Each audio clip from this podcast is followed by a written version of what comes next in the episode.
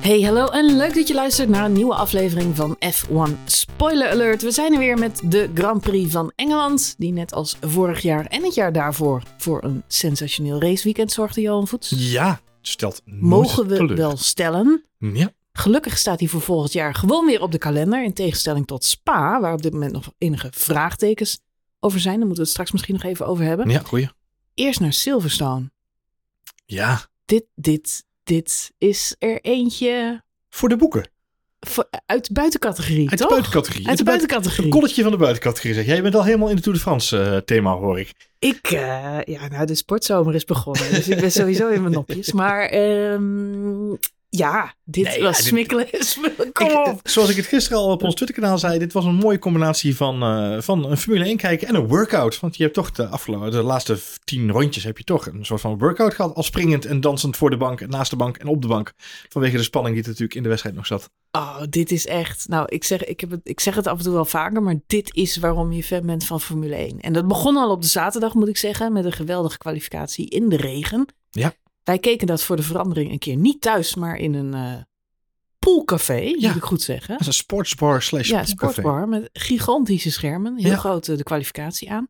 Eh, in Amsterdam. Dat was sowieso natuurlijk al een, een ervaring om, om het een keer elders te kijken. Eens. En dan ook nog getrakteerd worden op toch wel een hele spannende kwalificatie. Want als het regent, dan is het altijd Spannend. Ja. een extra dimensie. Eh, nou ja, daar kunnen we heel kort over zijn. Max Verstappen had daar natuurlijk pole position zullen pakken. Waren het niet dat er een gele vlagsituatie ontstaat in die Ja. laatste sector. En dat brengt ons tot een verrassende eerste pole position van Carlos Sainz. Ja. En dan denk je, nou, zijn weekend is al helemaal goed. Niks meer aan doen. Kan niet beter. Afstoffen en laten gaan. Ja. Ja, en het gekke is, eh, Carlos Sainz wint uiteindelijk deze Grand Prix. En dat is nog niet eens het hoogtepunt van het weekend voor mijn gevoel. Niet? Eh, nee, alhoewel Oh. ik het hem heel erg gun. Ik heb vandaag ook mijn eh, rode Ferrari eh, trui aangetrokken. Ehm, ook om andere redenen. Gewoon leuk kleurtje. nee, gewoon Ferrari. ik, zo- ik liep net naar kantoor en ik de, de, kwam langs een groepje bouwvakkers die eh, overal glasvezel hier aan het aanleggen zijn. En ik werd echt een beetje vreemd aangekeken. Wat heeft zij nou aan? Het is natuurlijk eh Max Verstappen land hier zo vlakbij Zandvoort. Ja. Maar, eh, maar ook vooral de blik in de ogen zo van Ferrari. Ferrari, dit is toch helemaal niet iets om trots op te zijn? Want het blijft toch Ferrari. HBTF, Marjolein. En dan moeten we het nog niet eens hebben over, nou, misschien wel het weekend van Red Bull. Want die, ja, dat zag er toch wel florisant uit, mogen we zeggen. In alle opzichten dominant. Ja, dus dat was een, een dingetje waar je toch wel u tegen zei. Ja, en, en volgens mij eh, dit weekend eh, de veiligheidsmaatregelen die er getroffen zijn in de sport de afgelopen eh jaar. Er is zoveel te vertellen over dit weekend. Nou ja, wat je zegt inderdaad, ja, het hoogtepunt van dit weekend zal toch wel eh, voor de meeste mensen zijn dat eh Joe veilig uit die auto weet te stappen. En hetzelfde geldt voor Albon, die natuurlijk ook een enorme klapper maakt. Volgens mij komt Joe er uiteindelijk nog zelfs iets frisser uit dan, dan die Albon die nog even in het ziekenhuis die heeft wat langer heeft, gelegen inderdaad, moeten ja. liggen. En dat heeft alles te maken met ja, de veiligheidsmaatregelen die de afgelopen jaren getroffen zijn. Het is al veel gegaan over de Halo. Halo beschermt natuurlijk eh, de coureur, zeker als hij op zijn kop ligt, zoals, eh, zoals we bij de startcrash eh, zagen. Maar ook het feit dat er ehm, allerlei roll barriers in die auto's zijn gekomen, waardoor die auto eigenlijk net precies de goede circulatie maakt. En, en heel veel van zijn, van zijn kracht verliest. Ja. Er zijn veel coureurs die dit weekend gezegd hebben. Het ziet er heel eng en spectaculair uit. Maar eigenlijk wat je ook ziet, is dat de auto precies doet waar die voor ontworpen, is. Ja. En wat vaak veel enger is, is een crash die echt eh, front, fr- frontaal eh, eh, de vangrail is met volle snelheid. En het, het, het goede aan deze crash, hoe gek dat ook klinkt, want het is een ontzettend freak accident als je het ziet. Eerst een auto op zijn kop, vervolgens nog een hele nare Slide, kanteling ja. eigenlijk over die boarding heen. Ook dat, ja. Ja, wat, wat er voor ons heel eng uitziet. Maar eigenlijk is de crash die we vorig jaar Max Verstappen zien maken. Keihard frontaal in, die, in, in, in, in kops gewoon de banden in. Ja. Is veel enger. Michael Schumacher deed ooit hetzelfde. Die brak daar zijn been. Hm. Eh, juist die hele harde crashes waarbij eigenlijk amper snelheid wordt geminderd. Zijn veel gevaarlijker. Nou ja, je, Eh. zag, het, eh, je zag het ook bij, bij Albon nu. Hè, die, want je Ja. al terecht, die zit al wat langer in het, in het ziekenhuis uiteindelijk. Omdat hij, ja, die gaat frontaal die pitmuur in. eh, op volle snelheid. Wordt van achter natuurlijk aangetikt door Vettel. Ehm en wordt daarna ook van de zijkant nog een, krijg je een, een, een flinke por van volgens mij Tsunoda. Ja, dat, dat zijn dingen die hebben toch ook wel heel veel uh, effect op, uh, op, op de coureur. We hoop mensen die geschrokken waren, want hè, de rollbars, zoals je het zo mooi zegt, de rollbar barriers die ze gemaakt hebben. De bar daarvan bij uh, Joe was die afgebroken. Mm -hmm. Dus mensen maakten een foto en die gaat ook veel rond op Twitter nu van hé, hey, maar die, die, dat ding is afgebroken. Ja, dat klopt, omdat hij met zo'n klap op dat ding terecht kwam. Maar dat is juist ook een van de redenen waarom het hier zit, is dat hij die eerste klap plat op het dak zeg maar opvangt. Ja, het is, het is fascinerend en tegelijkertijd angstaanjagend om te, te zien. Um, ja, we hebben de, volgens mij de crash uiteindelijk gelukkig in, uh, in nog wel een keer kunnen terugkijken. Gelukkig moet ik niet zeggen, maar... Um, nou, ik zag gisteren hele enge beelden nou, vanaf de tribune. Ja, ja. Dat je dus uh, de mensen die op die plek zitten waar hij uiteindelijk crasht... Uh, dan zie je de auto uh, ja, eigenlijk recht op je afvliegen. En aanvankelijk zie je mensen allemaal opveren met de camera's. Zo van, oeh, hij komt recht op ons af. Ja. En op het moment dat hij er bijna is, zie je mensen ook weer een beetje inzakken. Zo van, oeh, hij komt recht op ons af. Ja. Misschien moeten we een stapje naar achteren doen. Maar het daar is, ben je dan uh, toch echt te laat mee. Ja, maar ik het grappige, oh, het grappige, het bijzondere is wel dat mensen dat dus ook niet... Sommige van die beelden zie je mensen ook gewoon die blijven staan. Dan denk ik, ja. je hebt wel heel veel vertrouwen in die barrier die daar staat, in de, in de vanghekken die er staan. Uh, en aan de ene kant is het goed. Uh, geeft aan dat de mensen toch heel veel vertrouwen hebben in de veiligheidsmaatregelen die het zijn. Maar hij kwam toch wel echt angstaanjagend hoog omhoog. Ja, of de likes op Instagram zijn toch belangrijker dan... Uh, ah. Gestorven in het harnas, Johan, maar gaat, wel uh, gaat over duizenden likes. likes. Het gaat over likes precies. Uh, goed, nou ja, de, uh, dat is denk ik uh, het beste nieuws van dit weekend. Het laat wel weer gelijk zien, en daarom is Silverstone toch echt een van mijn lievelingsbanen, hoe gigantisch hard het gaat. we zitten echt in de, in de allereerste seconde na de start. ja, en je ziet al wat voor snelheden er dan gehaald worden. Dat zagen we vorig jaar natuurlijk ook bij die, um, die crash met, met Hamilton en Verstappen. Ja. Um, ja, Silverstone blijft gewoon high speed, super. Ja, het stelt gewoon niet teleur. Het is gewoon, ik had van tevoren zoiets van, nou ja, je blijft toch, de opbouw was een beetje toxic deze week. Met natuurlijk een hoop gedoe in de paddock en, en allerlei dingen dat je eigenlijk zoiets had van zijn we nou met eigenlijk al een afleidingsmanoeuvre aan het bouwen. Uh, dan, dan is het weekend eindelijk daar. En dan zie je al die Britse fans. 400.000 mensen dit weekend uh, uh, op Silverstone. alles bij elkaar opgeteld. Hè. Um, niet ondubbeld in dit geval. Maar het, het feit dat, um, dat er zoveel fans waren. het weer. Het, het, was een typische Britse zomer, zoals dat ze mooi zeggen. Hè? Dus je hebt de, de verschillende weersomstandigheden. Ja, en dan dat dan de race uiteindelijk zo verloopt zoals die verloopt. Ik heb, ik, het is lang geleden dat we zoveel uh, side effects hebben gezien, hoe je dat, side stories hebben gezien in een Formule 1 race volgens mij. Uh, en allemaal zijn ze even leuk om te benoemen. Dus nou, goed, battle. Waar wil je nou, ja, goed. En die startcrash is natuurlijk niet iets per se waarvan ik zeg dat het leuk. Nee, nee, nee. Niet dat dat voor mij hoeft. En ik vind het ook erg jammer dat er daardoor meteen een paar coureurs uh, uitvallen in het begin van de race. Maar ja. uh, laten we inderdaad blij zijn dat de veiligheid zo is toegenomen. En er wordt ook uh, weer natuurlijk nu onderzoek gedaan naar, op basis van deze crash, hoe het dan eventueel in de toekomst nog veiliger kan. En dat is dan altijd weer, ja, het, het voordeel, elk, elk nadeel heeft, heeft zijn voordeel.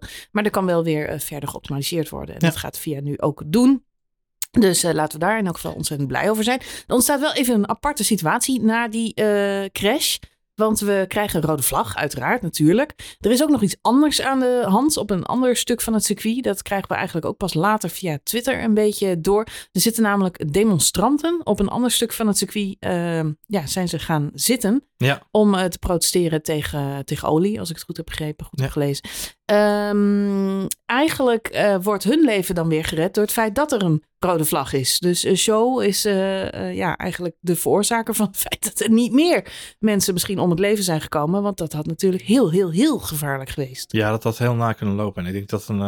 ik, ik heb er veel discussies over gelezen. En ik denk dat Volgens mij zei Will Buxton, de, de Formule 1 journalist, uh, zei het uh, volgens mij het meest treffende. Is dat op het moment dat je ervoor kiest om jezelf op zo'n manier in de spotlight te willen zetten, verlies je eigenlijk gelijk alle morele higher ground die je hebt. Hè? Dus de, het feit dat je daar staat om, om, om, een boodschap over te brengen die belangrijk is, laten we dat vooropstellen. Daar gaat het niet om. maar dat je dat dan op deze manier doet, dan verlies je eigenlijk alle voorsprong die je had. en een hoop mensen die zeiden, je had dan ervoor gekozen om gewoon met de Formule 1 organisatie de discussie aan te gaan en te vragen of je een, een, een, een protest mocht organiseren bij de fans of op welke manier ook. Want op deze manier ja, weet je, maak je het uh, een, een hele andere vorm. Weet je, je krijgt een hele andere boodschap nu dan dat je misschien had willen doen. En, uh, en, waar ik het wel mee eens ben, en ik, ik snap dat het heel, uh, heel moeilijk en hypocriet is, maar Formule 1 heeft juist ook deze week natuurlijk de update van hun plannen gegeven richting het klimaatneutraal werken van de sport. Dat is één ding, hè, maar de sport draagt natuurlijk ook bij aan het verder optimaliseren van de auto-industrie. Dus um, is het dan het, het juiste moment? het juiste moment is vraagteken. Is het dan de juiste context? Is ook een vraagteken. Uh, is het de juiste boodschap? Ja. Uh, alleen hadden ze hem anders kunnen verwoorden? Zeker weten. En dan moet je dan op een baan gaan zitten waar auto's met 300 km per uur voorbij komen gazen. Nee, dat is niet heel erg handig. Dus... Nee, laten we blij zijn dat het uh, ook dat goed is afgelopen. En nog even los van die mensen zelf. Hè, de marshals die dan ook hun best doen om ze eraf te halen. Hè, want voor hetzelfde ontstaat er een situatie waar mensen daar proberen ze van de baan af te sjorren op het juiste moment. En dan staan er ook gewoon marshals, vrijwilligers die gewoon daar staan voor de veiligheid van coureurs en fans. Die worden dan ook gewoon in, in, in gevaar gebracht. Dus een beetje een ja, overtrokken is, een, het is een bijkomend voordeel dat er uh, uiteindelijk al een rode vlag hing. Uh, als er geen startcrash was geweest, dan uh, was die er waarschijnlijk ook wel gekomen om, om dit incident. Het is trouwens niet uitgezonden op, op televisie. Nee. Dat is ook wel typisch voor dit soort dingen. Maar wat jij al zegt, ja, doe het even net op een andere plek. Qua security is het natuurlijk ook lastig om hierop te controleren. Hè? Want je kunt moeilijk zeggen, iedereen, alle publiek die binnenkomt, kun je van tevoren niet zien aan hun neus of ze nee, dit soort acties van plan, plan zijn. Dat, het is in principe een, uh, een vredig protest. Echter, ik bedoel, het is niet zo dat ze met, uh, met tractoren uh, de baan op gereden komen. Dat had nee, misschien hebben... iets meer in de gaten ge... ze, ze, ze, hebben niet de pitstraat dichtgezet met een nee, tractor. Nee, nee, nee, dat had misschien iets meer aandacht gegenereerd. Maar uh, ja, wat kun je eraan doen? Uh, mensen zullen altijd protesteren. Alleen dit is wel een hele gevaarlijke plek ja. om uh, dat te doen. Dus nou ja, en wat ik ook had je prima kunnen afstemmen met de organisatie. Maar goed, dat, dat voor hunzelf, voor de volgende keer. Ik denk dat ook een goede is om mee te nemen. En thank god dat het goed is afgelopen. Laten dus hopen, hopen controverse al voordat we al voordat we, al voordat we safety car lijn 2 gaan zijn. We vergeten ja. bijna dat er racetechnisch van alles gebeurt in die eerste drie bochten. Max Verstappen start op rode banden uh, steekt Carlos Sainz eigenlijk uh, gelijk voorbij. Uh, dat lijkt een hartstikke goede strategie. Op dat moment lijkt het erop dat hij op een twee-stopper gaat staan en Carlos Sainz op een één-stopper. ik denk hoe het ook was gevallen, dat Max Verstappen in een normale race makkelijk, makkelijk, makkelijk met de overwinning er vandoor was gegaan. Ja. Um, ja, die inactie is natuurlijk briljant. Hij is trouwens niet de enige die een hele goede start heeft. We zien ook Alonso, we zien Lewis Hamilton. Uh, er zijn een paar coureurs die echt naar voren uh, schieten. Ja, vergeet niet de GOAT Latifi. Ja, Latifi rijdt op de achtste plek. Ja. start natuurlijk tiende. Ja. Maar wat ja, sowieso al een prestatie van formaat is. Start natuurlijk ook op de softs. Dus die uh, doet hetzelfde trucje als, als Verstappen. En, ja, het is eigenlijk een, een hartstikke spannende sta start. Jammer dat hij dus uiteindelijk verpest wordt. En mij verbaast het ook wel een beetje dat we teruggaan naar de originele startopstelling bij die herstart. Ja, heeft alles te maken met het feit dat de, de rode vlag uh, gezwaaid, gezwaaid, gezwaaid, Gezwo uh, gezwoven. Ja, gezwoven, gezwoven werd voordat de auto's bij uh, safety car line 2 waren. En dat is bij de pit exit is dat, als ik me niet vergis. en, en daar hadden ze dan al voorbij moeten zijn. in ieder geval geloof ik met zoveel procent van het, van het complete veld. dat waren ze niet. En dan is het in principe dus een herstart van de gridopstelling. Nou, dan is, krijg je een hele rare situatie waarbij we dus in de pitstraat zag je ook een beetje voorbij komen. Hè. Er komt een soort, er zijn al vier auto's kwijt. De grote dus George, de, George Russell corona hussel, alleen dan met alle auto's op de grid, ja. zeg maar. George Russell wordt teruggereden met zijn auto. Uh, Vettel staat daar, die heeft een topstart gehad vanaf de achterste regio. Moet weer helemaal terug naar achteren. Dus je ziet die monteur ook die auto naar achteren duwen. Um, maar je krijgt ook situatie dat mensen wel gewoon aan hun auto mogen sleutelen en de banden mogen wisselen. Absoluut. Dus iedereen kiest weer voor andere banden. Er worden strategieën omgegooid. Er wordt gehusseld met de strategieën inderdaad. Er wordt wat poker gespeeld. Carlos Sainz zit 18 minuten lang in zijn achteruitkijkspiegel te kijken. Om te wat kijken, doen ze bij Red Bull? Wat doen ze bij Red Bull in hemelsnaam? Het is natuurlijk wel even spannend. Ik, ik, op dat moment denk ik ook bij mezelf, ja, hoe erg vindt Max Verstappen het om weer tweede te starten? Volgens mij is het op Silverstone geen slechte plek nee. om uh, te vertrekken. Op die rode band was het natuurlijk wel makkelijker om, uh, om die eerste bocht uh, hem ervoor uh, te steken. Je ziet dat hij daar bij de herstart meer moeite mee heeft. En uh, ja, uiteindelijk ook niet uh, die eerste plek weet te pakken. Nee. Um, maar goed, op dat moment wordt bij Red Bull gewoon de keuze gemaakt. We switchen de strategie. We gaan voor die gele band. Het heeft er ook alles mee te maken dat ze op dat moment geen rode banden meer vers hebben, moet ik goed zeggen. voor die herstart. Uiteindelijk aan het eind van de race gaat hij alsnog natuurlijk wel op rood. Maar volgens mij waren dat gebruikte Zou kunnen inderdaad. Ja, nou ja, en los daarvan denk ik dat het heel verstandig was om op dat moment ook de keuze te maken. Laten we naar die, uh, naar die eenstopper terug switchen alsnog. Uh, Red Bull had natuurlijk een aantal nieuwe uh, updates meegenomen deze race.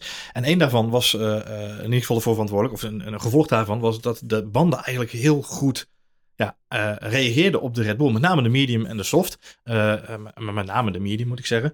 Ja, die, dat, dat, dat klikt gewoon heel lekker. En dat zag je ook in die vrije trainingen. Waarin Max eigenlijk op die soft ook als enige volgens mij van het hele veld een 1.27 wist te rijden. Uiteindelijk op zaterdag in de derde vrije training. Terwijl Ferrari en Mercedes wat lager uitkwamen. 1.28 nog wat. Um, je zag gewoon dat die Red Bull. Ja, die had gewoon heel veel tractie met die nieuwe banden er al gelijk op. Je had gelijk temperatuur in die banden. Dus die updates hadden daar gewoon effect. Dus ik denk dat ze bij Red Bull gewoon gedacht hebben, weet je wat? Oké, dan, dan settelen we nu even voor die tweede plek. Maar we weten, hè, als we hem niet pakken bij de start, dan komt het moment wel. Omdat we eigenlijk, dat hebben ze natuurlijk heel het weekend kunnen zien, toch de snellere auto hebben dit weekend.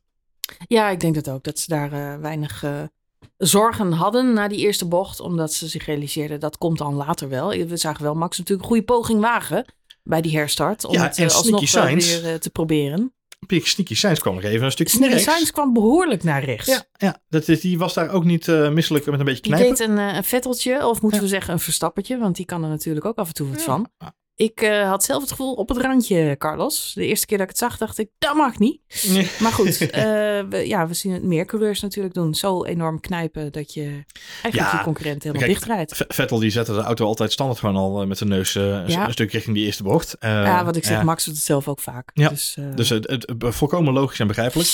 Hij houdt het dan goed vol, maar ja, het is natuurlijk ook van korte duur onderaan de streep. Want hij heeft natuurlijk ook vrij snel door dat die Red Bull echt wel een stukje sneller is. een chocolaatje uit de eigen doos. Hey, nog heel even terug um, naar die herstart. Ja. Uh, want jij noemde net al even George Russell. Er was ook nog enige uh, ja, consternatie uh, of hij eventueel alsnog kon gaan starten. Ja. We hebben het natuurlijk ook nog niet helemaal gehad over zijn involvement bij die crash op Zo, Zo, die er Ja. wat mij betreft wel was. Het was eigenlijk een beetje een, um, ja, wat was de aanleiding? Iedereen heeft het natuurlijk al gezien, maar Gasly zit daar in het midden, doet een poging om, uh, om, om mee te gaan met die twee mannen. Ja. Uh, Russell uh, gooit het gat daar dicht, knijpt eigenlijk Gasly dusdanig af dat er wat getik ontstaat. En uiteindelijk heb je drie auto's die tegen elkaar aanrijden, waarbij Russell ervoor zorgt dat Joe in de lucht vliegt. Klopt. Ja. Daarna ligt Joe natuurlijk in de boarding. Russell limpt eigenlijk op dat stuk waar het ongeluk gebeurd is verder met zijn auto.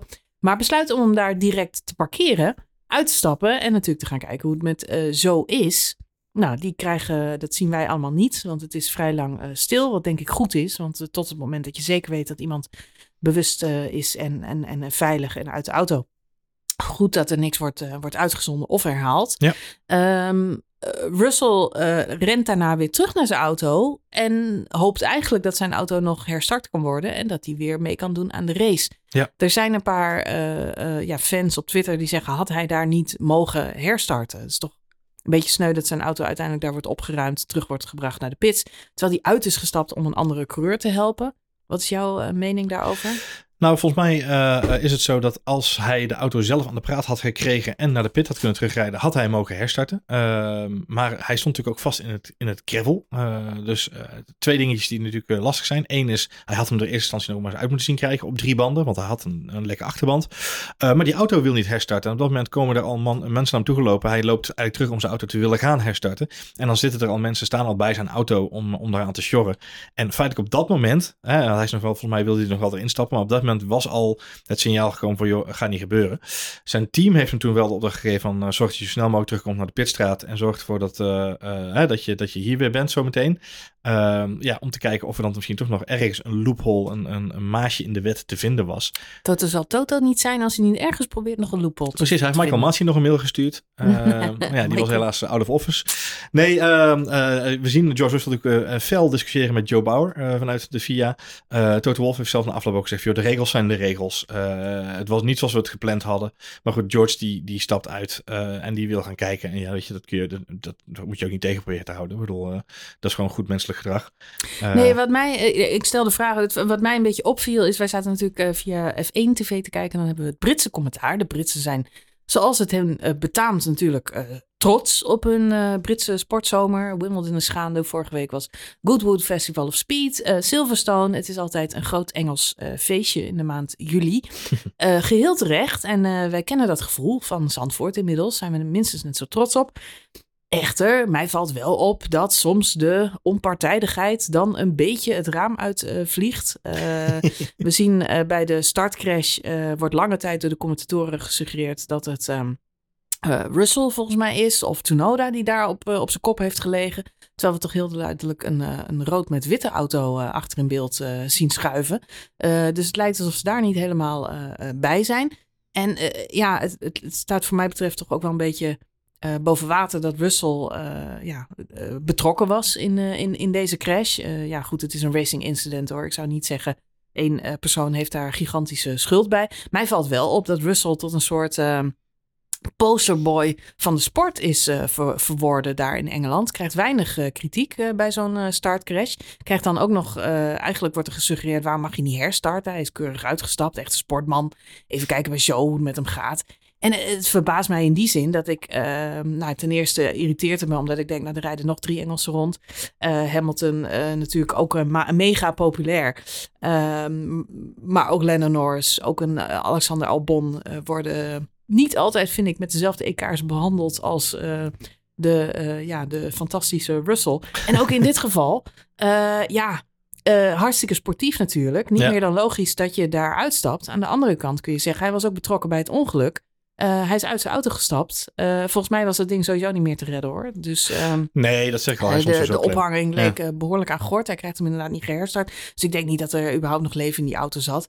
Er wordt in Engeland nu zelfs geopperd, moeten we de regels niet aanpassen? Dat als je een andere coureur gaat helpen, dat, hè, dat je dan alsnog de race weer mag starten. Ik denk als we aan dat soort scenario's gaan denken, krijg je in de toekomst wel heel veel coureurs die bij een crash even uitstappen om te kijken hoe het met de andere coureur is. Zodat ze misschien alsnog uh, weer in die race uh, mogen uh, starten. Ja, en, en, en, je moet nadenken over wat het, wat het betekent voor de veiligheid van die desbetreffende coureur. Hè? Want als inderdaad iedereen maar gaat uitspringen, uit zijn auto gaat stappen en gaat, gaat kijken hoe het met de andere coureurs gaat. Ja, dat, kijk, dat, dat is ook niet altijd de meest veilige manier van werken. Het is vaak veiliger om de marshals hun werk gewoon te laten doen. Die zijn daar niet voor niks namelijk. Nee, het, wat mij opvalt, ik, ik, ik volg jou, jouw redenering. Dat is een kleine iets wat me een beetje opviel en uh, nou slightly irriteerde. Omdat ik denk, nou ja, George is ook maar gewoon... Ik, heb, ik heb de race, het race nog een keertje teruggekeken. En, en eigenlijk wel meerdere hoeken en gaten. En, en natuurlijk het feit is één, hij begint op een andere band. Hij wil een risico nemen. Nou, dat heeft hij al vaker gedaan de afgelopen weken. Even een risico nemen om iets goed te maken in zijn, in zijn race of in zijn kwalificatie.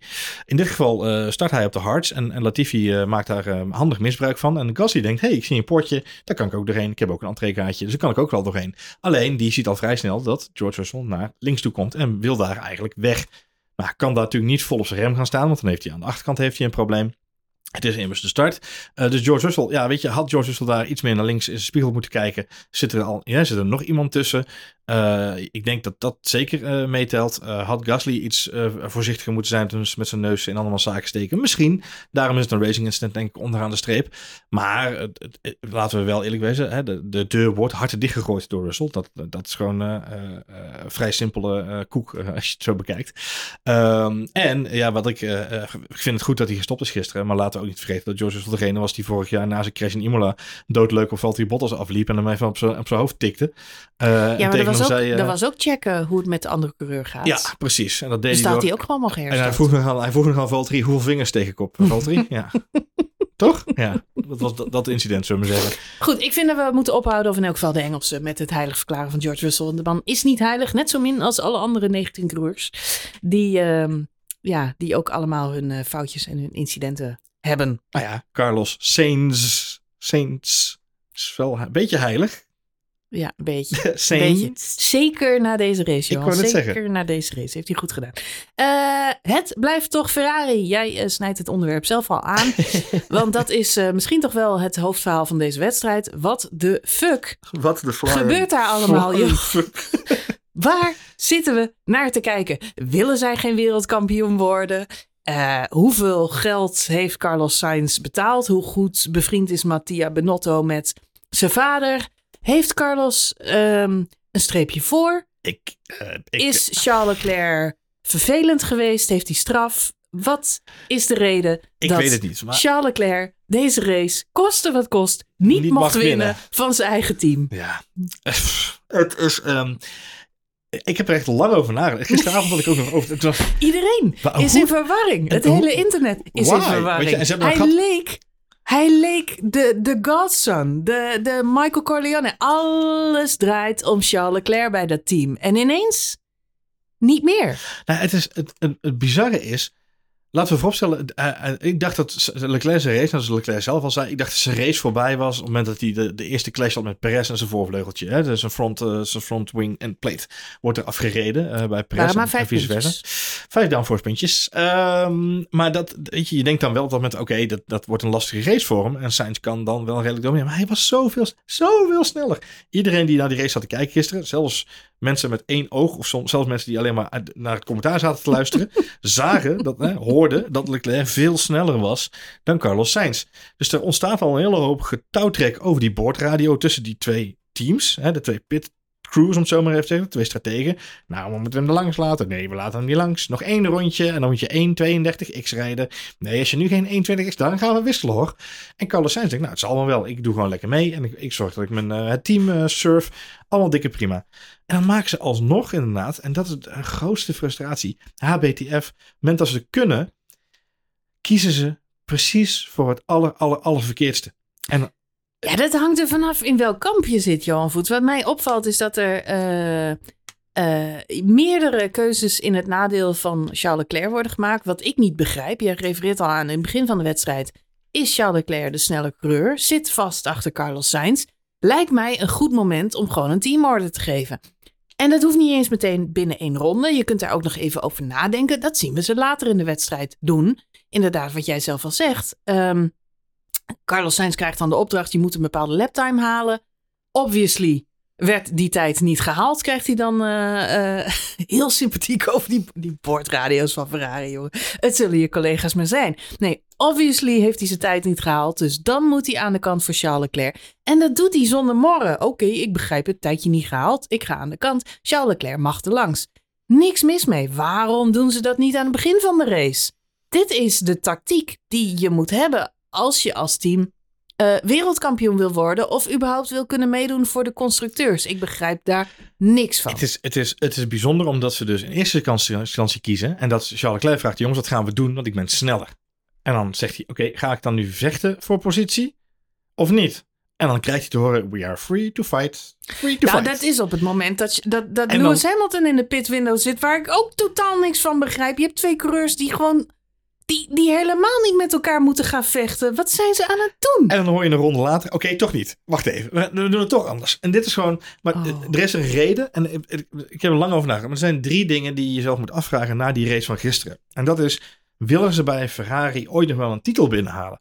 Want, even heel sterk bekeken, hè, jij noemt nu al een aantal dingen van de dingen die ik me ook realiseerde. Is één is, strategie is gewoon echt weer niet op orde. Ze zijn niet goed geïnformeerd. Ze zijn niet lekker op de hoogte. En Charles Leclerc krijgt te horen, eh, hij zegt, kan ik nog pitten? Nee, de pit window is nu voorbij na die safety car. Nee, de pit window is nu voorbij. Dus eh, track position hebben we nu gehouden. Waarop hij zegt, ja, dat wordt wel lastig. Wat is het verschil op softbanden?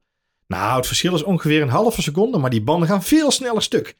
Dan denk ik, het zijn nog tien rondes. Sebastian Vettel reed aan het begin van de race acht snelle Acht. rondes met een volle tank. Maar er zijn geen auto's meer met een volle tank. Ze zijn een stuk lichter. Dus die auto's die kunnen veel langer op die rode band nu.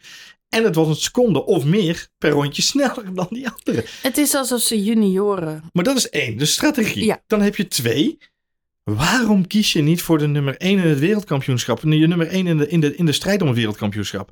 Ze hadden gisteren 19 punten kunnen inlopen op Verstappen. 19. Het worden er nu 6. Je moet gewoon dan zeggen, net zoals Red Bull dat een paar weken geleden deed met, eh, was het in, eh, waar was het in Spanje? Met Perez, sorry eh, Eh, Leclerc rijdt eh, eh, zesde. Je moet nu even omwisselen met Max. Je had hem kunnen winnen. Dikke vette pech. We kunnen uitlopen op die nummer 1 van Ferrari. Dus wij gaan nu zorgen. Ja, volgende week ben jij weer de, de nummer 1 bij Monaco. Maar dat durven ze niet. En daardoor verzuurt, en dat is eigenlijk mijn derde puntje. Het verpest altijd de sfeer tussen de coureurs. En de enige reden waarom het altijd goed is gegaan met Kimi en met Seb. is omdat Kimi doesn't give a fuck. Die had zijn wereldtitel. Ja, maar ja, dat kun je niet zeggen. Want Charles Leclerc en Carlos Sainz zijn allebei te jong en te ambitieus. Ik geef het nog vijf races. Als het nog vijf races zo gaat, Dan ontploft de boel bij Ferrari. En dan Ja, rijden ze elkaar van de baan. Dan, nou, dan gaan we de, de Rosberg Hamiltons krijgen hoor, bij Ferrari. Ja, ik... eh, ik, eh, ik De reactie van Sainz gisteren. Ben je gek geworden? Ik ga niet aan de kant. Ik ga hem, ga hem geen 10 autolengtes voorsprong geven. Dat is, dat is het eerste signaal wat er al. Echt, Ik geef het nog vijf ronden. Races als ze zo doorgaan. En Ja, want even, even terug naar die pitstop. Hè, we hebben het net gehad over eh, wat er allemaal eh, vooraf in die race al gebeurt. We krijgen aan het eind van de wedstrijd een safety car situatie. Eh, wat eigenlijk voor een level playing field zorgt. Wat altijd eh, fijn is eh, voor coureurs. En het biedt ruimte om een extra pitstop te nemen. En dan moet bij Ferrari die keuze echt in een split second gemaakt worden. Om precies te zijn hadden ze zes seconden. voordat Charles Leclerc en Carlos Sainz eh, voorbij reden aan de pitstraat. Dus Ja. ze zaten redelijk dichtbij. Dus moest heel, heel, heel, heel snel besloten worden. Bij de andere teams, hè, op dat moment zitten we naar een race te kijken waarbij de gaten al redelijk gevallen zijn. Ja. Dus bij de andere teams wordt in een aantal gevallen gekozen voor een dubbele pitstop. Die hebben ook net even iets meer tijd om erover na te denken. Tuurlijk, hè, dat is ook de verdediging die Binotto heeft aangevoerd. Wij moesten heel snel besluiten. Ehm, en een dubbele stop, geeft hij zelf aan, was voor Ferrari geen optie geweest. Omdat ze dan te veel tijd hadden verloren en eh, ja, toch eh, meerdere track positions eh, kwijt waren geraakt. Maar in de praktijk, wat zien we gebeuren? Het hele veld stopt. Echt, het hele veld stopt en gaat voor rode banden. De enige die nog eh, buiten blijft is Charles Leclerc op oude witte banden. Ja. sitting duck. Op dat moment weet je het al. Eh, iedereen die naar binnen... Ik, ik- en ik roep op dat moment al, hij wordt vierde vandaag. Ja. Want hij wordt in elk geval nog de drie mensen voorbij gereden. Fernando Alonso eh, zit als een, een, een, een, een haai Op die in de, in, de, in, de, in, de, in de schaduw. Die heeft nog bijna die, die vierde plek van hem, van hem afgepakt op Ja. plaats. Eh, ja, eh, eh, en waarom? Binotto heeft na afloop eh, ja, zelf de verklaring wel gegeven. Hij zegt, ehm, eh, Charles Leclerc had nog iets nieuwere banden dan Carlos Sainz. Dus hadden we Carlos Sainz buiten gelaten, dan was hij kansloos geweest. Had hij helemaal niks kunnen doen. Dus we hebben ervoor gekozen om Carlos Sainz nieuwe banden te geven. Dan kon hij in elk geval verdedigen. Dan krijgt inderdaad, vlak voor die herstart, krijgt hij over de boordradio te horen. Je moet zorgen dat je Charles Leclerc verdedigt. What were they drinking? Ja. En die arme Carlos Sainz, je hoort de wanhoop in zijn stem. En voor mij is dat heel veelzeggend. Want hoe wanhopig ben je als je tegen je eigen... en het is het grote, machtige Ferrari. En je hoopt toch echt dat die meer verstand in de donder hebben dan dit. Maar je moet dus tegen je teamgenoten, tegen je collega's en tegen je baas zeggen... Gasten, wat jullie nu voorstellen is zo dom. Zo, dat kan helemaal niet om op rode banden achter een auto te blijven rijden die nog op oude witte banden zit. Dat kan gewoon niet. In geen enkel universum. Wat verwacht je van me? Ja, al geef ik hem 10 al geef ik hem 10 autolengtes, dan Dat heb ik hem binnen twee rondes. Ja. Dat, hij wordt opgefroten van achteren. En hij kan niet voluit van voren. En, en nou ja, het is een scenario waar... eh, Binotto verdedigt het gisteren in de media naar, naar iedereen. Eh, maar het is gewoon een ontzettend domme set. Maar dit, is, maar dit is mijn puntje drie ook. Hè? Dus het, het, is verpeste sfeer tussen teamgenoten. Stel nou dat dit wel was gedaan. Hè? En dat Sainz... Ik zei nog eh, ehm, op, de, eh, op de zaterdag zei ik nog tegen je... Moet echt oppassen dat hij niet inderdaad de Bottas van, van Ferrari wordt. Hè? Dat hij gewoon maar een beetje als tweede... als wingman wordt gezien. En, en dat, dat dat zijn rol nou eenmaal is. Maar stel nou dat hij wel de, de orders had uitgevoerd zoals, eh, zo- zoals ze zijn gedaan. En dan Lewis Hamilton was jankensnel. Afgelopen, Mhm, afgelopen mhm, race. Het was mhm. echt, eh nou, die had echt lekker zin in. En terecht voor zijn, voor zijn thuispubliek. En, eh, en echt een hele strakke race van hem. Sergio Perez had het net al even over. Die Red Bull op die rode bandjes. Driver of the day. En ja, terecht. en een terechte inhaalrace na die vleugelschade aan het begin van de race. Maar die Red Bull, wat ik aan het begin van de, van de podcast even opperde, had de, de, de, of heeft de kracht vanaf nu dat hij heel snel die banden op temperatuur heeft. Dus die had bij die herstart, bam, gelijk Hamilton te pakken. Hartstikke goed. Ehm, dus op dat moment zitten Perez en Hamilton, die zijn ja, on fire. En dat zien we natuurlijk ook later nog. Maar die, stel dat Sainz wel de 10 lengtes had genomen, dan was hij binnen een rondje, was hij het haasje geweest. En dan gaat hij van mogelijke overwinning naar P4 of P5. Want Alonso had hij dan ook nog wel even lang kunnen laten, denk ik. En dan moet je jezelf afvragen, hoe was dan de situatie in de, in de garage geweest bij, bij Ferrari achteraf? Nou, ik heb aanvankelijk heel veel gedacht. Eh, Carlos Sainz moest deze race winnen. Mij viel op dat eh, zij hebben natuurlijk baat bij een tweede coureur die zelfvertrouwen heeft. En het gebeurt in de beste teams. We zien bij Uh, Mercedes zagen we ook dat Valtteri Bottas zijn races mocht winnen. Liefst wel op een moment dat Lewis Hamilton al was uitgevallen of, of, of anderszins uh, problemen had. Bij Red Bull zien we hetzelfde. Op het moment dat Max niet finisht of, of een probleem heeft, dan is het ineens prima dat Perez ervoor duikt. Uh, ze realiseren zich ook dat Perez een aantal races moet winnen. Anders dan blijft hij niet gemotiveerd. Heeft hij het niet naar zijn zin. Het feit dat hij laatst Monaco heeft gewonnen is eigenlijk perfect en ideaal. Max heeft Monaco al een keer gewonnen. Het zal een worst wezen. Die geeft sowieso niet om die, om die show volgens mij. Um, maar voor Perez is het de wereld. Een van de grootste trotse momenten die je als Mexicaan kan meemaken. Om op zo'n uh, bijzondere plek uh, te winnen. Dat is, nou goed, in alle opzichten heeft dat tot een mooi feestje voor hem geleid. Um, dat heeft Ferrari misschien in zijn achterhoofd gehad. Carlos Sainz moet wel een keer een race winnen, want dan, dan hebben we het maar gehad. En dan uh, heeft hij zijn zelfvertrouwen. En twee coureurs met zelfvertrouwen is goed voor het team. Echter, er nog eens een, uh, een nachtje te over hebben geslapen, denk ik oprecht. Dat ze bij Ferrari niet eens zozeer uh, Carlos Sainz heel erg aan het helpen waren. Ik denk vooral dat ze gewoon echt een hele, hele grote inschattingsfout hebben gemaakt. Uh, en dat, dat blijkt uit die boordradio aan Carlos Sainz, waarin ze vragen: kun je alsjeblieft de rest een beetje ophouden? Ja. En zodat Charles Leclerc alsjeblieft die race kan winnen. Ik denk oprecht dat ze dachten: oh, we halen die nummer twee naar binnen en dan kan Charles Leclerc lekker doorrijden. En is er niks aan de hand. Maar wat een fout is dat. Ja, het, het, mist, het lijkt wel of ze de rekenkracht missen. Op dat moment om de juiste inschatting te maken. En jij zegt 6 seconden. Maar volgens mij is dat 6 seconden. Op het moment dat het zijn safety car kwam. En Leclerc bij de pitstraat uh, in de buurt kwam. Maar iedereen die die race had te kijken, je ziet Ocon limpen op, de, op het rechte stuk. Je, dat was minimaal 5 tot, tot 6 seconden extra tijd geweest die ze hadden kunnen nemen. Oké, okay, er is sowieso dubbel geel nu op het rechte stuk. Dus we hebben sowieso tijdwinst. Misschien is dit wel het moment. Dit gaat een safety car worden. Hij valt stil. Weet je, volgens mij wat, was, dat, was dat gat 5, 6 seconden groter dan dat ze het nu laten overkomen. Omdat ze wisten, iedereen die zat kijken wist dat Ocon dat dat een safety car zou worden. Hij stopt op het rechte stuk. Je zou zeggen, die uh, espresso in Italië, die is, uh, die is top. maar misschien mag je nog een tandje sterker bij het Italiaanse team. Nou, in ieder geval bij de strategen inderdaad, ja. Ja, ja het is gewoon gebrek aan scherpte. Gebrek ja. aan rekenkra rekenkracht, strategie. Uh, ze missen echt een goede stratege. Nou ja, ze hadden gisteren gewoon gelijk moeten zeggen, we halen Charles binnen. We laten Sainz buiten. dan hadden ze gekozen voor het wereldkampioenschap. Dan hadden ze een hele heftige discussie gehad met Carlos Sainz achteraf. Maar goed, die hebben ze met Checo Perez ook wel eens een keer Is gehad. er te veel twijfel in, de, in dat Italiaanse bloed, in die Italiaanse genen, in en daarbij bedoel ik dat niet als uh, uh, generaliserend voor een, een, heel land, maar ik bedoel in dat team van Ferrari. Ehm, hè, we hebben het vaak over personeel van andere teams overnemen, cultuur creëren. Red Bull, strategisch zitten die er echt bovenop. Die tante die daar de strategie runt, komt de laatste tijd in interviews heel erg vaak naar voren. Maar laten we wel wezen, we zien Red Bull dit jaar weer geniale keuzes op de juiste momenten maken. Mhm. Bij Mercedes lijken ze het af en toe een beetje kwijt te zijn, maar dit weekend zaten ze toch weer heel aardig bij. Bovenop, ja. Een goede strateeg is onmisbaar. En het lijkt dat ze bij Ferrari er echt uh, geen hebben zitten. Nee.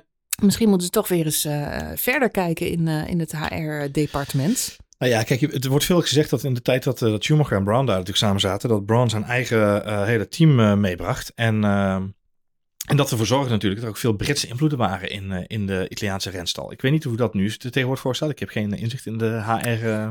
Nou ja, nogmaals, het, het, gaat er me niet om het feit dat het allemaal Italianen zijn. Nee, nee, dat is een beetje clichématig, maar het is wel zo. Het zijn op dit moment allemaal Italianen. De, het is niet echt een uh, multicultureel team wat dat aangaat.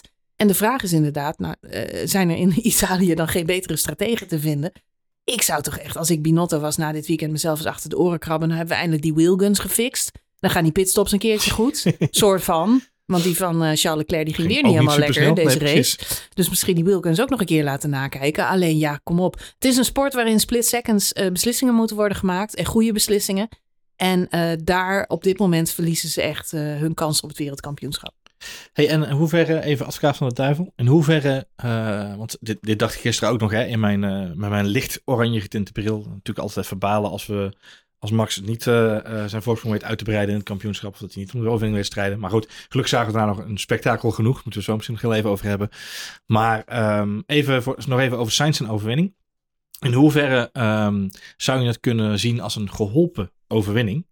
Als je je realiseert dat hij de pole position pakt vanwege de gele vlag die Max Verstappen krijgt. Want die was surely op weg naar pole position met uh, een, een paarse sector en, en een volgens mij een hele goede middensector. Ja, dat is het natuurlijk. Het, het is in die zin een uh, geholpen overwinning. Dat klopt. En ook, kunt... in, ook inderdaad hè, de vloer, de schade van de Max Vloer. Hè, ah, door een stukje vloer. Maar ja, wie... en, en de Ocon die stilvalt. Uh, ja, zeker in veel ja. opzichten. Ja, de safety car helpt hem natuurlijk ook weer op het laatst. Maar goed, er zijn zoveel. Uh, Gasly heeft uiteindelijk in Monza ook een geholpen overwinning. Uh, je kunt zeggen, Max' eerste overwinning in Barcelona was ook een geholpen ja, overwinning. True. Omdat ene Nico Rosberg en Lewis Hamilton uh, met elkaar in de clinch lagen. Zeker. En uh, wie weet dat we dat binnen nu en vijf races ook bij Ferrari zien. Dat zou alleen maar mooi zijn. Dan volgen er nog een hoop geholpen overwinningen voor andere coureurs. Ja, daar kun je het lang over hebben. hij zat er twee weken geleden in Canada natuurlijk al aardig bij. Achter Max Verstappen. Ik denk niet dat hij dat gehaald had. Ik denk op een normale dag had Max Verstappen hier lachend en zingend naar de overwinning gereden. Ik denk dat het uh, voor alle Nederlandse fans en voor hemzelf heel fijn is dat hij alsnog uh, zes punten, uh, sorry, acht punten moet ik zeggen, uit de strijd weet te slepen hier ja. in Silverstone. Wat dat betreft een beetje een vergelijking met Hongarije vorig jaar, waar hij natuurlijk ook een schade aan zijn auto had en limping in de achterhoede, nou ja, moet ik zeggen middenveld.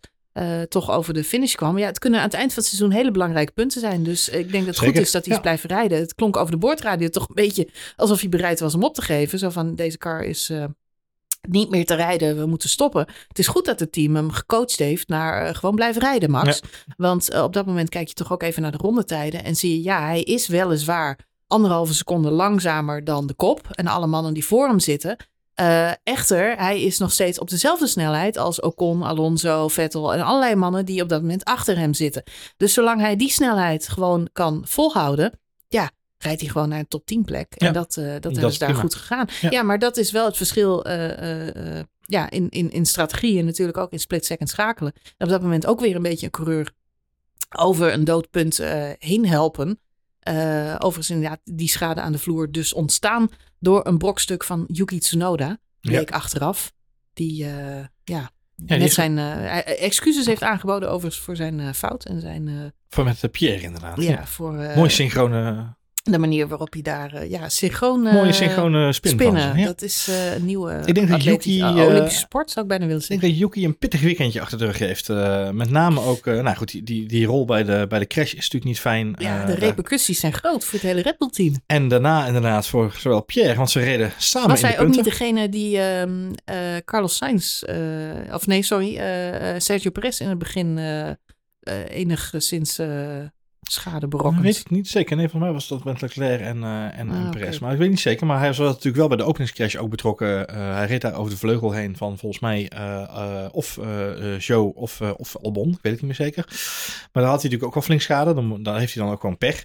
Maar vervolgens heeft hij na twee keer een Beter was hij uitgevallen. Dan hadden we gewoon Max Verstappen uh, aan, de, aan, aan de overwinning gezien, wederom. Nou, wat me wel opvalt is dat er meerdere coureurs melding hebben gemaakt gedurende de race van, van debris, van, uh, van, uh, van stukken, uh, brokstukken nog op de baan. Um, uh, ook in, uh, volgens mij was, ging het hier in bocht 5, maar ook in bocht 11 uh, werd er gemeld dat er nog, nog brokstukken op de, op de baan lagen.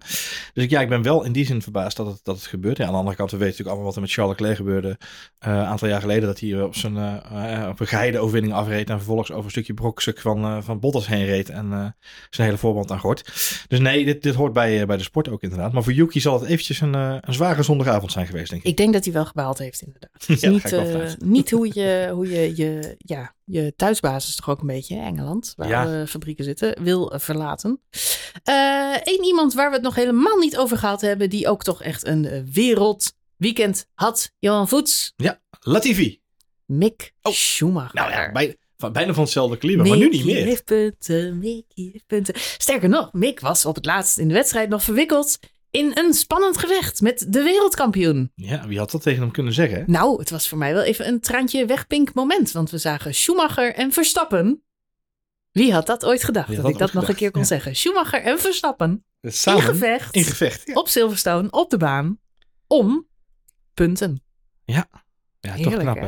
Ja, Ja. ik heb wel genoten. Eh, zijn zusje was erbij. Hij vertelde ook in een van de interviews eh, na afloop dat ze met de hele familie in Engeland waren. Dat ze een groot familieweekend hadden, een soort reunie. Leuk. Dus zijn zus Gina was uh, daarbij. En ik moest erg lachen op Instagram. Was na afloop te zien hoe zij champagne met elkaar delen. En allebei over de moon gelukkig en happy zijn. En Ja. eigenlijk wat ik zo leuk vind aan Mick Schumacher is dat iedereen altijd zo blij voor hem is. Ja. Iedereen gunt het hem zo gigantisch. Iedereen heeft de interviewtjes gezien met Vettel en Mick Schumacher. Vettel natuurlijk ook helemaal zelf emotioneel. Die vierde zijn 35ste verjaardag. Daar was hij niet emotioneel over. Maar hij was gewoon blij dat Mick Schumacher punten pakte. Wel, niet. natuurlijk ook weer vlak achter. Dus hè, vergeet niet eh, Schumacher en Verstappen. Ik zeg het nog een keer. In gevecht op de baan met daarachter Sebastian Vettel, de oud-wereldkampioen. Heerlijk allemaal om dit te zeggen. en eh, ja, daarvoor zat dan ook nog Alonso trouwens. Moet ik ook nog even... Ach, Johan. We Ja. zitten naar te kijken. Ik ga die laatste, eh eh nou 12, 13 ronden is het geloof ik. Ah, maar met name de Ik ga dus ja, deze 14, week nog een paar keer terugkijken. Want ik stond inderdaad te schreeuwen, te juichen, te springen. Ik heb me wel weer doodgeërgerd trouwens aan de regie. Want waarom gaan we herhalingen uitzenden als ik midden in een gevecht zit? Alsjeblieft, Formule 1 TV, kun je dat niet meer doen. Maar het, het mooiste vond ik de herhalingen van de herhaling. Oh, Johan, ik zit naar de slotfases van een wedstrijd te kijken. En ik zit gewoon anderhalve minuut naar een replay te kijken. En ik denk, ze zijn nog bezig. Ik vind die replays geweldig. Maar doe het na de wedstrijd. En op social media heel veel. Ja, ja, dan kunnen we het gewoon zelf terugkijken wanneer we dat willen. Ja. Dodelijk vermoeiend. Het is eh, nee, en, en misschien wel het mooiste gevecht van de afgelopen jaren. eh, zien we natuurlijk aan de voorkant. Ja, en eh Perez, Charles Leclerc. Hamilton, Charles Leclerc, Charles Leclerc. serieus. Lewis Hamilton. Wat een coureurs. En wat een circuit is Silverstone. En oh, ik kan echt, je mag voor mij een jaarclip maken met alleen maar gewoon die rondjes. Ja. Wat wordt daar gereden, joh? Ja, dat is insane. Het is een eh, gevecht, eh, zoals Lewis Hamilton zo mooi zei in de afgelopen terug, eh, reminiscent of zijn karting days. Het ziggen en zaggen en elkaar de, de pas afsnijden en weer, weer proberen voorbij te komen. Ja, met name Hamilton en Leclerc natuurlijk. Echt Ah, op het randje. echt alle credits voor Charles Leclerc, hoor. Wat een coureur is dat. En ik kan me zijn teleurstelling zo ontzettend goed begrijpen, want het houdt maar niet op. Hij heeft nu sinds Miami geen podium meer gepakt. Het is echt één grote eh, blamage. We zijn tien races onderweg. Je kunt zeggen, het seizoen is nog lang. We zijn nog niet op de helft, dus het kan nog goed komen voor hem.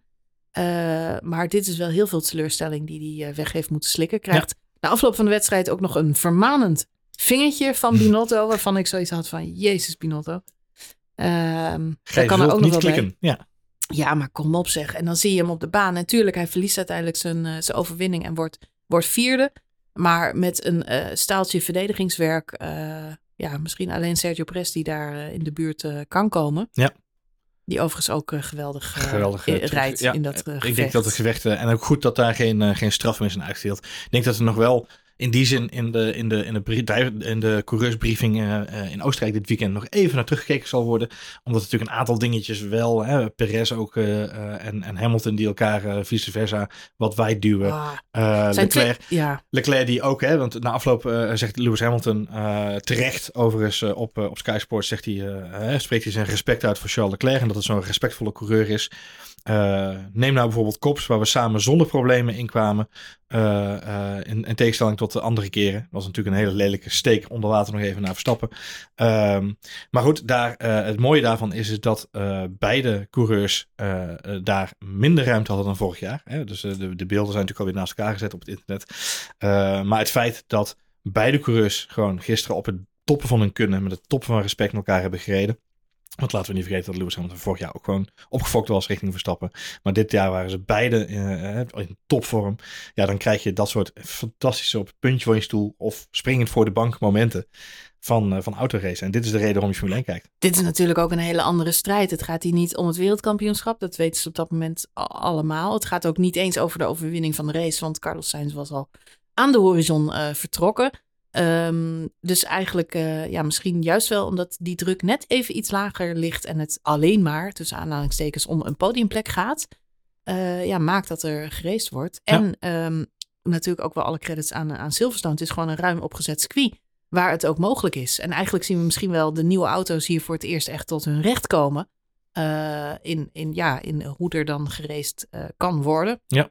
Ja, eh, Alonso die er op plaats nog eh, lekker bij zit. Ja. En misschien wel als een eh, lachende derde met het botten vandoor lijkt te gaan. Dat gaat uiteindelijk allemaal niet door.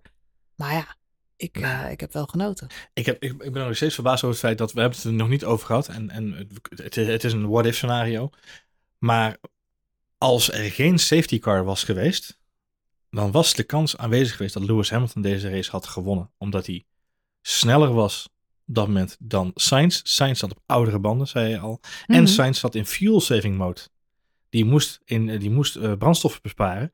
En dankzij die safety car, waar hij dan even achteraan kon tuffen, heeft hij dat uh, los kunnen laten en heeft hij gas kunnen geven. Want anders had hij dus een fuel saving motor de race moeten uitgaan. Ja, achter de safety car save je natuurlijk al fuel. Ja, exact. Dus dat, was zijn, uh, dat was zijn mazzel. Dat hij daar extreem veel heeft kunnen redden van zijn brandstof. En daardoor de laatste rondes vol gas kon. Uh, was dat niet het geval geweest? Want daar is natuurlijk het scenario waar veel over gesproken is. Hè? Had Hamilton kunnen winnen? Ja, Hamilton had kunnen winnen. Want Hamilton zeker. was veel sneller op de hards dan uh, de Ferrari van Carlos Sainz. En had ook zeker Charles Leclerc het leven zuur kunnen gaan maken. Ik denk ook dat daar de angst zat van Ferrari omdat zij op dat moment daar blind op uh, gefocust waren. Het feit dat uh, Lewis Hamilton zo snel dichterbij kwam. En op dat moment hebben ze gedacht, we laten Charles Leclerc lekker vooraan rijden. Want uh, ze gaan waarschijnlijk stoppen bij Mercedes. Maar dan rijden wij lekker vooraan. Wat ze alleen even vergeten, is dat bij een safety car iedereen precies achter elkaar weer op de baan komt. En de gaten die zijn ontstaan tussen coureurs, die vervallen, die zijn weg. En misschien hebben ze gedacht dat uh, Ocon daar heel erg snel uh, weg te rijden was. En dat die gaten nog niet zo waren opgelopen. Maar in principe ben je binnen twee ronden heb je het hele veld bij elkaar. Dus, ja, nou, ja. Ik denk, misschien hadden zij gehoopt op een virtual safety car. Dat zou kunnen. Dat, dat zou, kunnen. Dat zou een optie zijn geweest. Hey, als je het over snelle banen. Mm -hmm. We gaan er naar eentje nu hè? Ja, we gaan er absoluut naar eentje. Ik ben echt heel benieuwd naar dit weekend.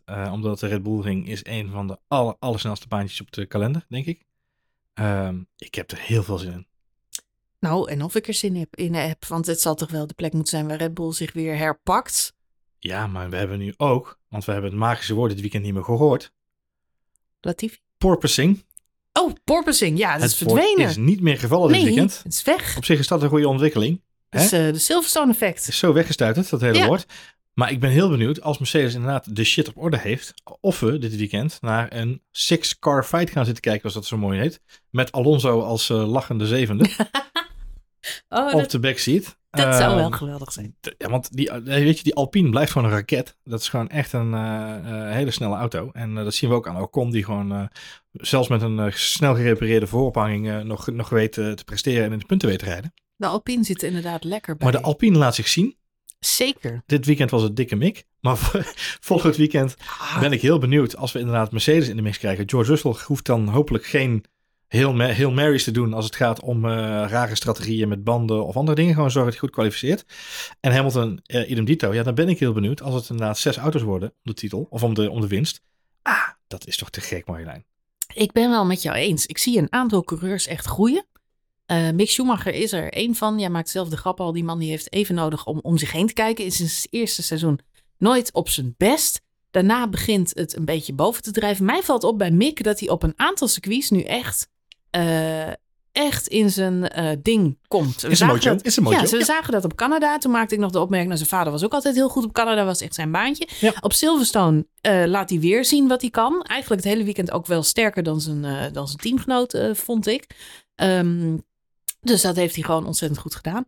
En uh, ja, het is inderdaad de vraag: uh, gaat hij dat nu uh, in Oostenrijk weer doen? Wat, ja. zijn, wat zijn de squeeze van Mick? Misschien heeft hij wel een aantal banen waarop hij het heel goed doet. Hij begint wel in elk geval een beetje de, ja, de skills van zijn vader te laten zien. Want op de echte circuits waar het om... Ja, laten we wel wezen. Canada en Silverstone zijn wel de... De, de, de, de racersbanen. De, Nou ja, de grote mannen uh, squeeze zou ik bijna willen zeggen. Uh, grote mannen en vrouwen hopelijk in de toekomst. Um, maar daar laat hij het wel zien. Ja, eens. Nee, dus, eens. Ik het, zou, het zou voor, voor Gunther ook goed zijn als, als ze kan hij het ook, uh, ja, kan hij, ja, kan hij het ook in Oostenrijk? Dat is nu even de vraag. Hoeveel circuits gaat hij pocketen ja. en bijschrijven op zijn cv? Ik ben, uh, ben heel benieuwd naar hoe Mick zich verder ontwikkelt. Er zijn ook een paar andere coureurs. Nou, Lewis Hamilton noem jij terecht al. Die begint ook in zijn mojo te komen. De porpoising is weg. De auto lijkt wat beter te gaan. George Russell zat er dit weekend niet meer bij.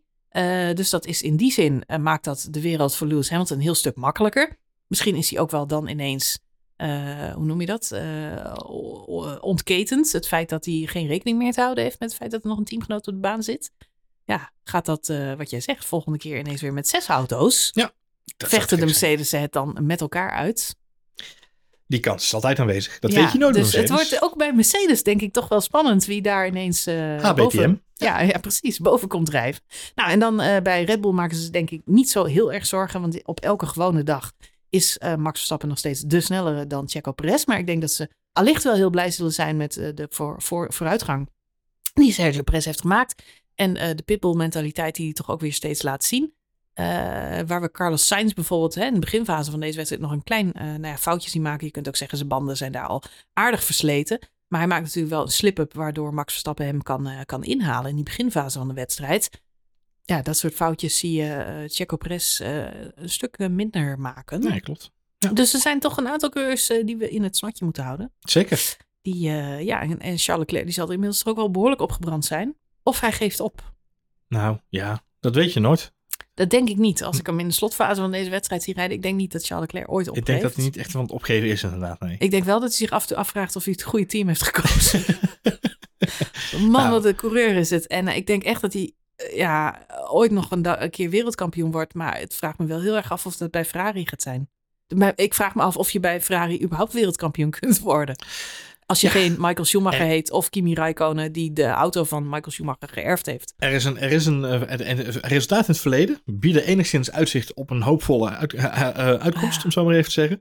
Maar het is wel, ja, wat ik waar het aan het begin van de uitzending even over hadden, als ze de drie factoren die op dit moment gewoon zichzelf, hè, ze gooien zelf op dit moment zand in de machine.